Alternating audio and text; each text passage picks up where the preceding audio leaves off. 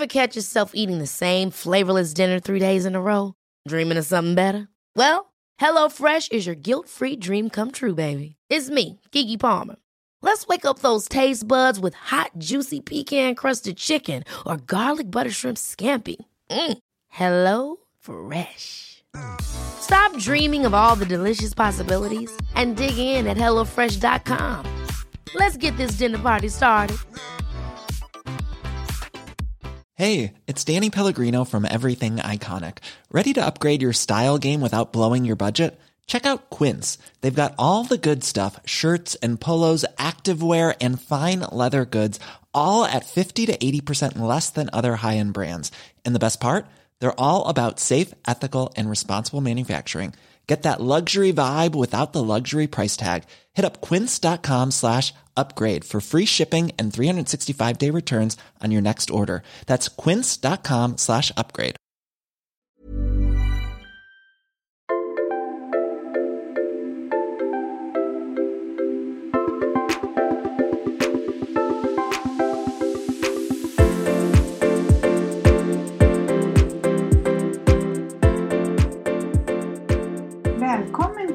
Osbeck till Jag är modig-podden. Tack så jättemycket.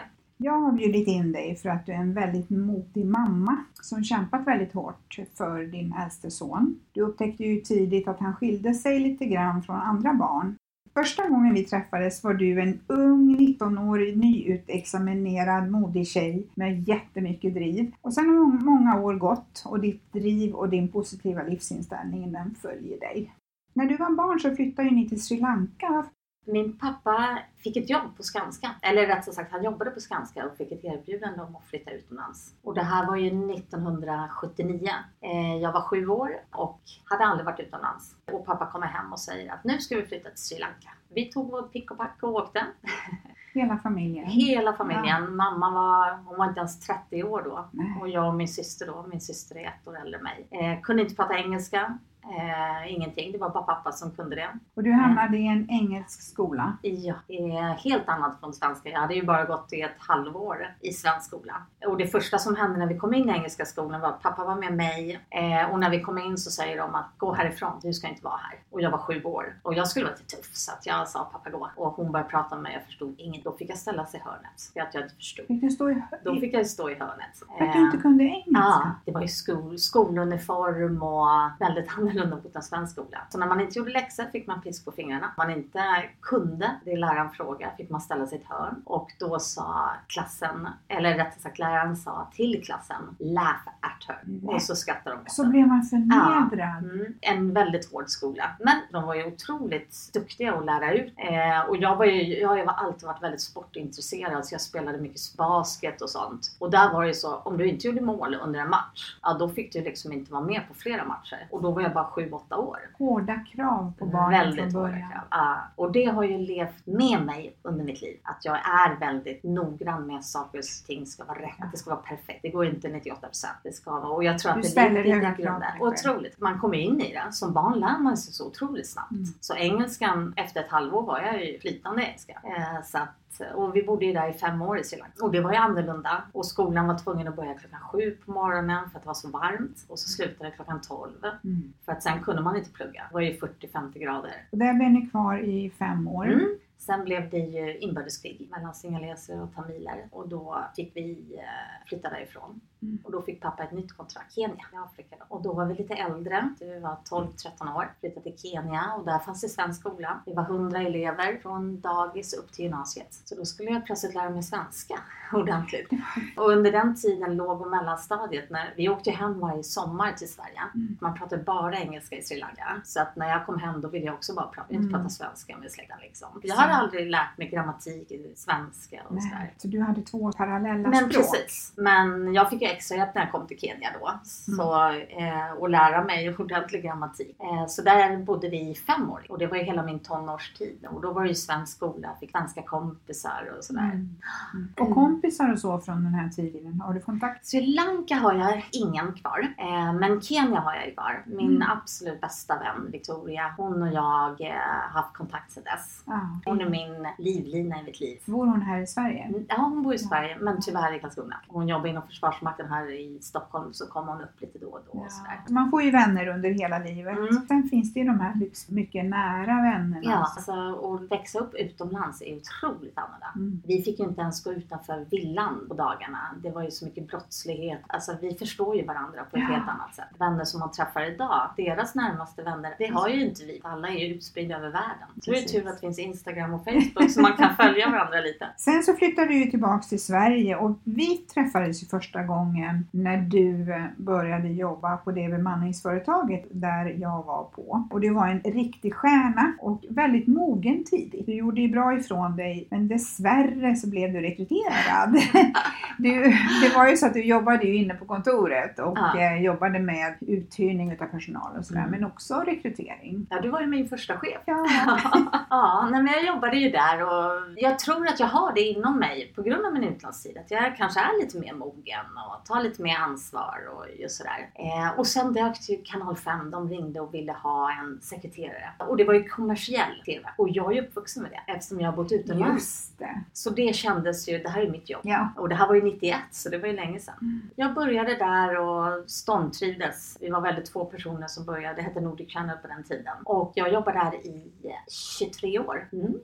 Det är lång tid. Ja, det är lång tid. Men då har du ju också vuxit i Ja, företaget. Det har jag. Haft olika Mm. positioner och Absolut. tjänster. Och sen då, eftersom jag har ett väldigt speciellt eh, privatliv med min son, så har jag ju haft en otrolig trygghet. För de har alltid ställt upp på mig. Mm. Du fick ju barn tidigt, du var drygt 20 och det blev ju en mycket, mycket tuffare start som mamma än man kanske önskar sig. Mm, det var det. Jag hade, trodde jag, träffat mannen i mitt liv, min stora kärlek. Och vi hade varit tillsammans rätt länge och jag blev gravid när jag var 24. Så det var ju väldigt uts. Mm. Och jag var mitt uppe i karriären och det var väldigt viktigt för mig och sådär. Då kom Marcus till och det var ju helt fantastiskt. Eh, men sen tog det slut med pappan och mig väldigt tidigt. Eh, och jag blev ensam med Marcus. Och jag märkte redan väldigt tidigt att det står inte riktigt rätt till här. Jag gick på de här mammagrupperna och alla kom dit och var trötta och vakna på nätterna. Marcus sov hela nätterna. Först han var född så han sov hela nätterna och var alltid glad, skrek aldrig, bara tittade på mig och var lycklig. Och då började jag fundera så här vid ett halvår, så här, ska det vara så här enkelt? Men då märkte jag efter ett halvår ungefär att han ville inte riktigt sitta som andra barn och han ville inte riva och han ville inte göra saker. Så då gick jag till mödravårdscentralen eller barnavårdscentralen där och de sa alla utvecklas på olika sätt, alla barn. Eh, men jag kände redan då att någon, någonting. Men man vill inte riktigt inse det. Nej. Den här drömmen om att vara mamma och det här fina, liksom, eller det här allting som är så, så vill man inte se att det är något fel. Jag fick väl höra det runt om, lyssnade inte. Det Mm. måste jag nu i efterhand säga och det pratar jag och mina föräldrar väldigt mycket om. Att man vill inte erkänna att det är någon som är fel. Mm. Och sen har jag ytterligare en son idag och där ser jag en helt annan kurva Mm. när han var liten. Ja. Det var jättesvårt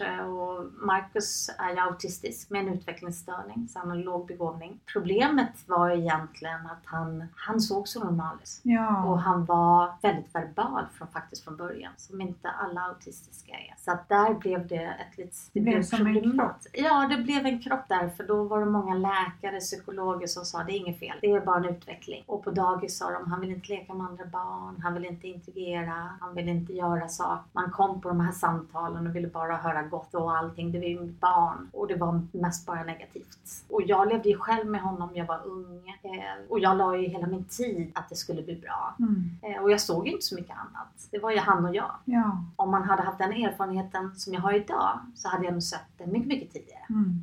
När var det första gången som du kunde se att han behövde extra hjälp? Just när jag kom till de här mammagrupperna.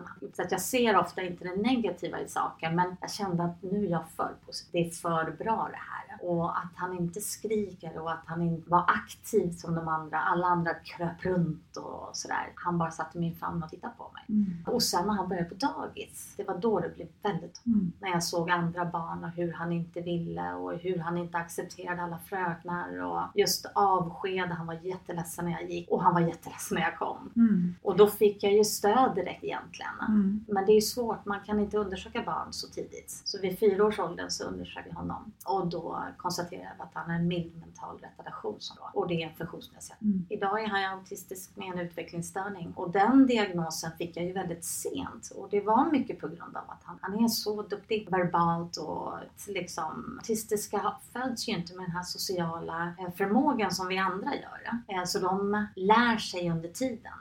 Ehm, Och Marcus var väldigt duktig på det. Mm. Så han lurade väldigt många. Både läkare, psykologer, folk runt om honom och sådär. Standardautismen hade han fått redan vid lit, alltså när han var två, tre år. Och till och med när han var sex, sju år så tog de bort diagnosen att han var förståndshandikappad.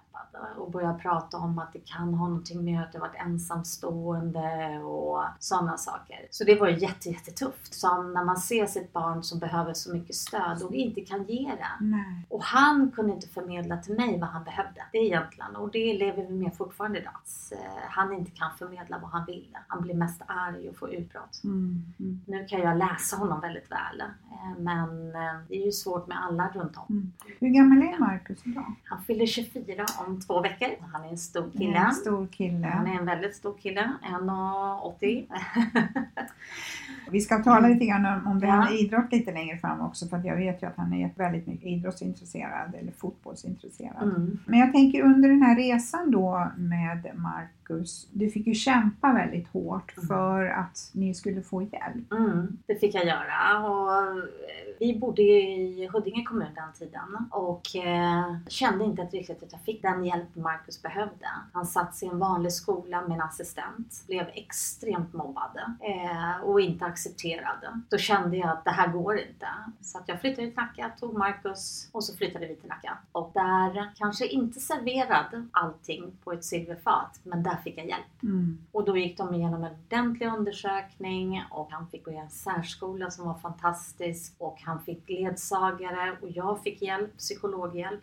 Och sen var jag ensamstående, jag hade ingen. Hans pappa försvann när han var två år och vi har aldrig hört ett ljud av honom. Eh, Så att jag var ensam och jag, tack och lov har jag mina föräldrar som alltid har ställt upp och varit där för mig. Annars hade jag ju aldrig klarat det. Samtidigt var jag ju tvungen att ta hand om vardagen, ekonomin, kunna bo. Så jag var tvungen att hålla min karriär i liv. Har kämpat hårt. Ja, Mm. det har jag. Sen är ju du också väldigt idrottsintresserad Mm. och det här har ju då även Marcus fått. Ja, han blev ju indragen i det.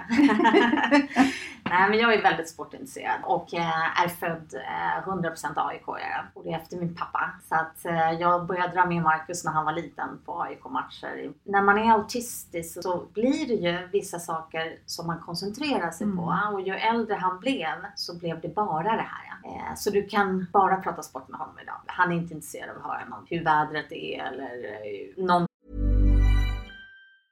Hi, I'm Daniel, founder of Pretty Litter. Did you know cats tend to hide symptoms of sickness and pain? I learned this the hard way after losing my cat, Gingy. So I created Pretty Litter, a health monitoring litter that helps detect early signs of illness by changing colors, saving you money and potentially your cat's life. Pretty Litter is veterinarian developed, and it's the easiest way to keep tabs on your fur baby's health right at home. Go to prettylitter.com and use code ACAST for 20% off your first order and a free cat toy. Terms and conditions apply. See site for details. Planning for your next trip?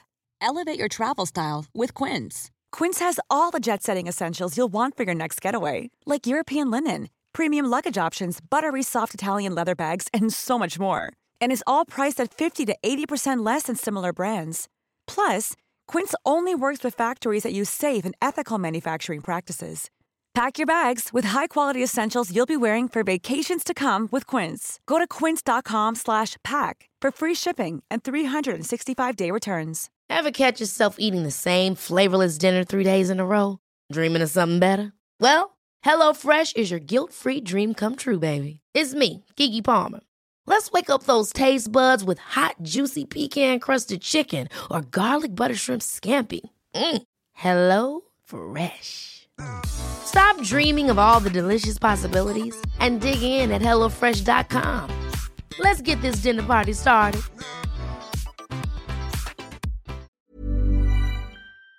Någonting annat. Och sen spelar han ju fotboll? Ja, han har spelat. Och det var ju när han var liten så började jag ju titta runt för han var, vi var ju väldigt aktiva. Vi stod ju alltid på fotbollsplan han och jag och sådär. Och så började vi titta runt vad, vad, vad det finns för något. Om det finns några handikapplag och sådär. Och det var ju precis i vevan när jag flyttade till Nacka. Och i Nacka fanns det ingenting. Så jag ringde upp Bo FF som är största föreningen och sa det att har ni inga handikapplag? Nej, det har vi där. Ja, men jag vill starta ett. För min son är jättefotbollsintresserad och jag vet, Marcus gick i särskolor, det fanns jättemånga som var intresserade. Nej, det är vi intresserade Och vi är ju aik så då vände jag mig till AIK. Och där hade de ett litet lag. De var bara fyra, fem stycken som hade hållit på med på fritid sådär. Och då gick jag in och sa, får jag bli lagledare här? Det här ska vi liksom, det här ska bli stort. Och då var jag det i 12 år. Fantastiskt. Ja, och vi vann ju SM-guld ett år. Wow! Och inte bara det, du blev ju också utnämnd till Årets ungdomsledare 2013. Mm. Berätta! Mm. Ja, det blev det. chockande att jag blev det. Men eh, det var kul. Jag hade drivit AIK United rätt länge då. Det blev jag väldigt lycklig. Jag fick gå ut på Friends, 14 000. Wow!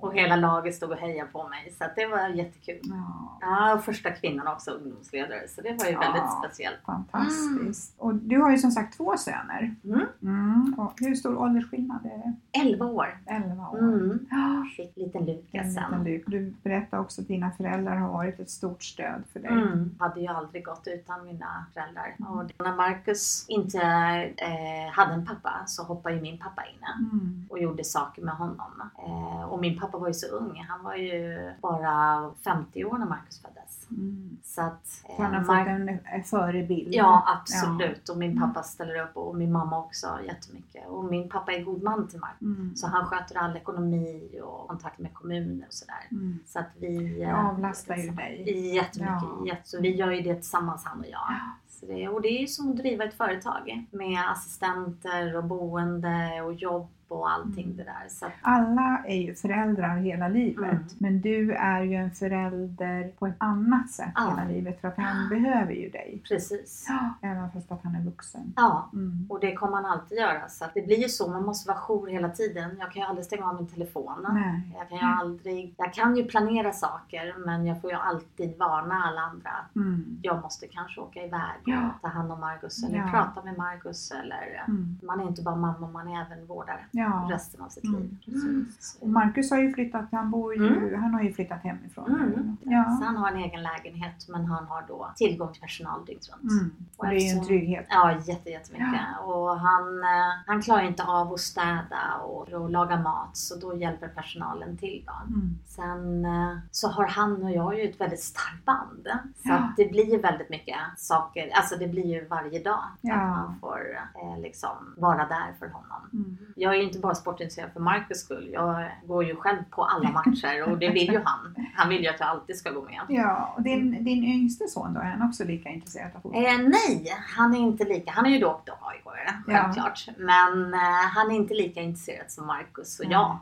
Eh, men han följer sport och han är väldigt, väldigt fantastisk med Marcus. Ja. Alltså, de har ett jätte, jättestarkt band. Mm. Även om det har varit jättejobbigt under åren. Jag kan ju tänka mig att det har varit väldigt mycket fokus på Marcus mm. och då kan ju lillebror kanske ibland ha känt sig ja. lite utanför. Mm.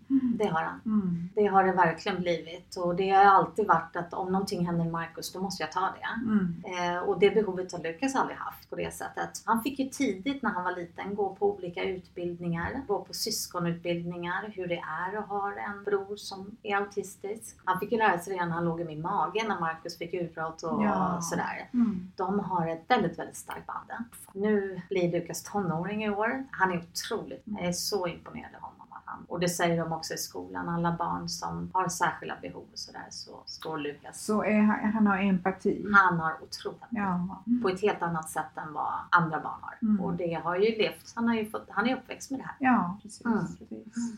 Du berättade också att eh, Marcus då som nu har flyttat hemifrån att det är ju inte så enkelt med ekonomin heller. Men... Nej, tyvärr är det ju så att de eh, vuxna som flyttar hemifrån, han går ju på en daglig verksamhet Mm. och får ingen lön på det sättet. Eh, får någonting som heter aktivitetsersättning från Försäkringskassan. Han lever ju på det minimum. Eh, och jag lägger ju till pengar varje månad och hans mormor och morfar lägger till pengar. Annars hade inte han klarat det. Mm. Och det är hemskt när man ser hur det är i samhället. För att det är inte så att han köper inga märkeskläder. Han går inte på restauranger. Han gör inte sådana saker. Men han har ju sitt, sin, sin, sitt liv som han behöver. Och han behöver, alltså det är dyrt med hyra och el och telefon, det han behöver. Mm. Det går inte ihop och det gör inte för några i den här kategorin i Sverige. Och det är bedrövligt i samhället som det är idag. Det är så bra att, att vi pratar om Mm. det eftersom jag har inte den erfarenheten. Nej. Och, och sen tror jag det är också så att vissa saker pratar man kanske inte om. Nej. Men eh, det är ju en väldigt viktig fråga för att han är ju inte ensam. Nej, och det är så många och det är när, när vi inte finns så kommer inte han klara sitt liv. Nej. Som jag sa, som jag ser på Lukas, han vill gå på bio varje helg med sina polare. Mm. Det livet lever inte Marius. Han vill ha ett årskort i fotboll och hockey. Ja. Sen är han nöjd. Men det går inte ihop. Nej. Det finns inte. Om inte mormor och morfar och jag hade lagt in de pengarna så hade inte han kunnat gjort det. Mm. Och det är hemskt att det är så för våra, för han kommer aldrig kunna ha ett normalt jobb. Han kommer aldrig kunna tjäna de pengarna. Jag kan föreställa mig för dig som mamma just, du är ju medveten om det här Mm. och det är ju svårt, man har ju sina föräldrar Nej, tills man själv blir jättegammal. ja, men så är det ju. Och Camilla, alltså, du har verkligen kämpat jättehårt och det är beundransvärt. Inser du själv hur modig du faktiskt är som har liksom klarat av och klarar det här på egen hand? Ja, Jag vet när du frågade mig om jag ville vara med så kände jag att jag kan inte vara, jag är inte modig. Sen när det gäller mina barn och hela den här resan så känner jag att jag är väldigt, väldigt modig. Och jag skulle göra allt för att Marcus ska få ett drägligt liv. Eh, Så det måste jag nog säga att jag är. Verkligen. Sen är det klart att man når botten. Men jag brukar säga det, jag behöver nå botten ibland för att komma upp till toppen också. Mm. Och jag behöver vissa kvällar där jag kan vara själv och hamna i min lilla bubbla och Mm. vara ledsen och Ja. känna. För det är klart att även om mina barn är det mest fantastiska som finns så är det ju alltid en sorg. Ja. Att det blev så som Ja. det blev. Mm. Och jag förlorade det som, som mina föräldrar hade en fantastisk, vi hade en fantastisk familjeliv. Vi bodde utomlands och mina föräldrar har alltid varit väldigt kärleksfulla mot varandra och sådär. Det, den sorgen känner jag att jag aldrig fick ge det till mina barn. Mm. Ett välfungerande familjeliv. Att det fanns en mamma och en pappa och Mm. hela den tradition. Hur har det varit för det som du säger att det är klart att du också har varit ledsen och, och, och känt att du behöver eh, någon som stöttar dig. Du har haft dina föräldrar men har du sökt hjälp? Jag har faktiskt fått, eh, när man har barn som har funktionsvariationer så får man faktiskt rätt mycket hjälp. Jag har fått väldigt mycket psykologhjälp Mm. För att just prata om min sorg och just hinna liksom bygga upp min kraft för att orka med allting. Det är runt om, just mina föräldrar och min syster och mina vänner. Det är egentligen det som har stärkt mig och den hjälpen jag har fått. Mm. Så, så klarar man det.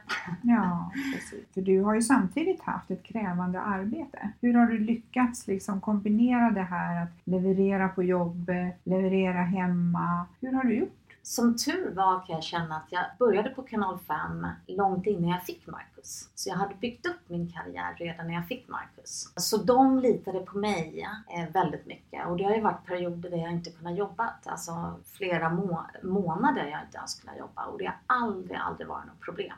Kom tillbaka när du känner och vi vet att du kommer leverera. Och precis så är det idag när jag jobbar på Airtime. Att vissa perioder och vissa dagar har jag det jobbigt. Då måste jag vara hos Marcus och då måste jag åka iväg på möten och, och det är aldrig en diskussion. Men jag tar ju väldigt allvarligt på mitt jobb och det är mycket för att jag älskar mitt jobb. Mm. I helheten har det ju varit min räddhela, att man har ett roligt jobb. Och jag har ju aldrig känt sån här söndagsångest. Jag har längtat och mina kollegor är mina liksom närmaste vänner. Och, eh, så det, det är så jag har ju gått igenom det liksom. Eh, Och det, det är ju fantastiskt då att du har ett arbete som du brinner för. Mm. Ett jobb, även fast att man har mycket att göra, så kan det ju också ge energi. Mm, mm. För att man tycker att det är så roligt.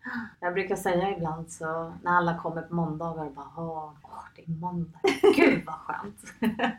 jag får vara här, jag får jobba. Men jag har alltid tyckt det varit kul att jobba också. Ja men jag kommer Alltså, ihåg ja. även när du var 19 år. jag så- jobbar jämt. Ja, ja men alltså du, ditt, du är så engagerad. Mm, det jag. Verkligen Mm. engagerad Ja. i det du gör. Mm. Och jag kan tänka mig att du är engagerad även liksom på fritiden när det gäller dina barn. Och sådär. Ja. Hur du är den typen av Mm. person. Mm. Sen har jag ju fått välja bort saker under tiden. Eh, och de sista åren då efter eh, det tog slut med Lukas pappa så har jag ju faktiskt valt bort att satsa på en relation. Mm. För det har inte funnits tid för. Nej. Det är väl jättetråkigt när man är själv. Eh, om man varit singel så länge. Men eh, för att klara det så har jag ju valt bort. Och jag, mycket under tiden så har det ju varit att jag inte kunnat umgås med vissa kompisar. Och Mm. För Marcus har inte klarat det. Han är väldigt känslig för ljud och mycket folk och sådär. Så middagar och sådana här saker har ju inte varit aktuellt. Nej. Eh, Men jag är ju som sagt väldigt nära min familj. Vi är väldigt, väldigt tajta. Så att jag värdesätter ju hellre att åka hem till mamma och pappa än Ja. att kanske gå ut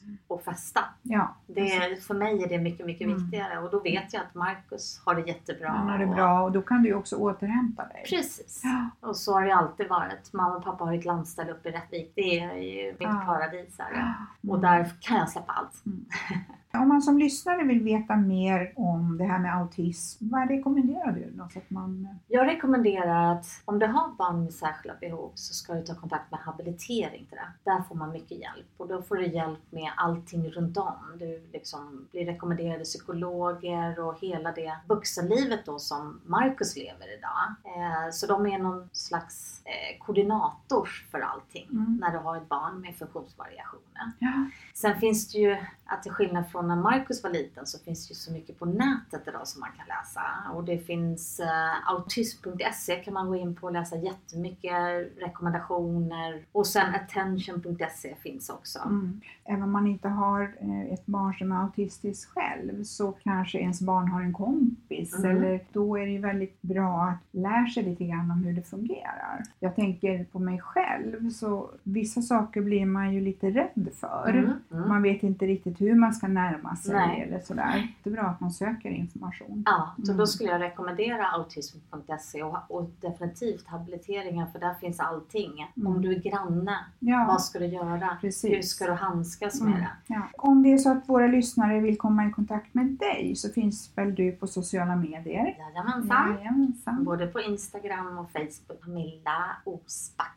Och det var, om jag får inflika där, Ja. så var det ju faktiskt, nu var ju Marcus, eh, när han var liten och vi fick den här diagnosen, det var ju 96, då fanns det inte så mycket internet och hitta saker. Men det var egentligen en stor grej som han saknade. Någon att prata med, någon att bolla med som satt i min situation. För det fanns ju inte. Nej. Idag finns det ju på ett helt annat sätt. Och då kan man också spegla sig i Ja. varandra, man förstår Ja. eller man känner igen vissa Mm. saker. Precis. Och jag vet när jag drev AIK United så var det ju, man fick ju ta hand om de här vuxna och ungdomarna som mina egna barn. Sådär. Så att, och man hade mycket kontakt med föräldrarna och det var ju där man kunde bolla. Vad, hur gör du? Och det är väldigt värdefullt. Och om det är någon som känner att de har en fråga eller någonting så är det bara att höra av sig. Mm. Jag är väldigt, väldigt öppen och jag pratar väldigt mycket om det bland mina kollegor och sådär. Det är en del av mitt liv. Mm. Och det är någonting man är stolt över faktiskt. Och, och just också att Marcus mår så bra idag och har sånt relativt drägligt liv som han har. Mm. Du är en fantastisk mamma. Tack! Tack snälla för att du ville dela med dig Camilla. Tack själv. Det var jättetrevligt.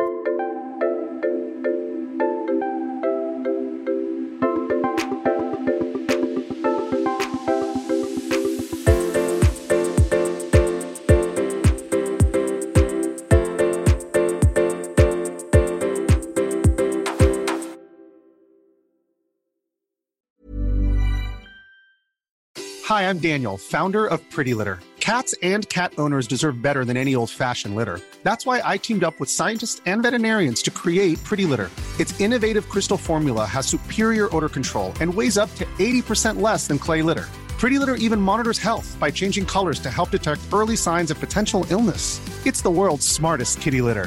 Go to prettylitter.com and use code ACAST for 20% off your first order and a free cat toy. Terms and conditions apply. See site for details.